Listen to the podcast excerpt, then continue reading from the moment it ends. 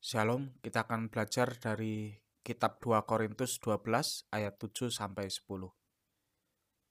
Dan supaya aku jangan meninggikan diri karena penyataan-penyataan yang luar biasa itu, maka aku diberi suatu duri di dalam dagingku, yaitu seorang utusan iblis untuk menggocok aku supaya aku jangan meninggikan diri.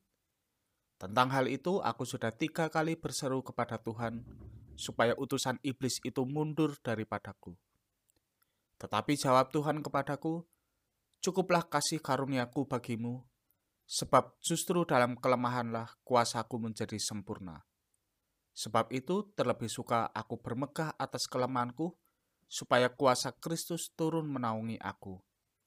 Karena itu aku senang dan rela di dalam kelemahan, di dalam siksaan, di dalam kesukaran, di dalam penganiayaan dan kesesakan oleh karena Kristus. Sebab jika aku lemah, maka aku kuat.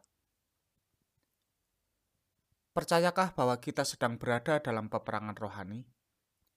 Mulai dari hal yang kecil seperti bercakap-cakap dengan orang lain, hingga hal yang besar seperti memilih pasangan hidup, semuanya bermuara pada apakah kita melakukan kehendak Tuhan atau tidak. Sayangnya, banyak orang Kristen yang kalah dalam peperangan rohani karena memang itu tidak mudah. Tantangan yang terberat adalah ketika kita merasa bahwa Tuhan tidak menolong kita dalam kesulitan. Apa yang harus kita pahami dalam situasi seperti ini? Paulus adalah rasul yang luar biasa. Dia menulis 13 surat dalam perjanjian baru, mendirikan banyak gereja, dan mampu bertahan di tengah pelayanan yang sangat berat.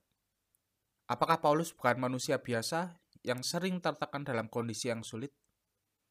Di dalam bagian ini, Paulus menuliskan adanya duri dalam daging. Alkitab tidak menjelaskan apakah itu berupa kelemahan fisik, tekanan dari dalam diri untuk melakukan dosa, atau tekanan dari orang-orang yang menentang pelayanannya. Yang jelas, Paulus merasakan peperangan rohani yang berat. Wajar kalau Paulus berulang kali ini kiasan dari tiga kali yang diucapkan di dalam ayat 8 ya. Paulus berulang kali meminta supaya Tuhan melepaskannya. Tetapi apa jawaban Tuhan? Cukuplah kasih karuniaku bagimu, sebab justru dalam kelemahanlah kuasaku menjadi sempurna.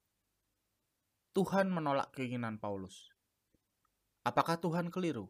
Bukankah jika Tuhan menolongnya, pelayanan Paulus lebih berkembang? Justru Tuhan tahu apa yang terbaik bagi hidup Paulus. Mari kita perhatikan di dalam ayat 7 ada kata diberi. Jadi secara gramatika itu menyiratkan bahwa Tuhan yang melakukannya.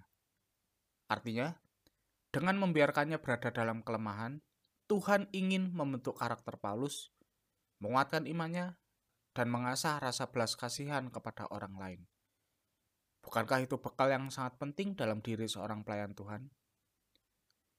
Jadi, terkadang Tuhan mengizinkan kita tetap berada dalam kondisi yang sulit supaya kasih karunia-Nya semakin nampak dalam hidup kita. Ada tiga pelajaran penting dalam bagian ini. Pertama, kesulitan hidup adalah hal yang wajar. Paulus mengalaminya sepertiga lebih kitab Mazmur berisi ratapan, bahkan Tuhan Yesus sendiri hidupnya tidak lepas dari penderitaan. Jadi jangan goyah ketika tiba-tiba ada kesulitan hidup. Itu bukan terjadi karena Tuhan tidak mengasihi, tetapi karena kita hidup dalam dunia yang rusak. Kedua, kekuatan kita berasal dari kasih karunia Tuhan.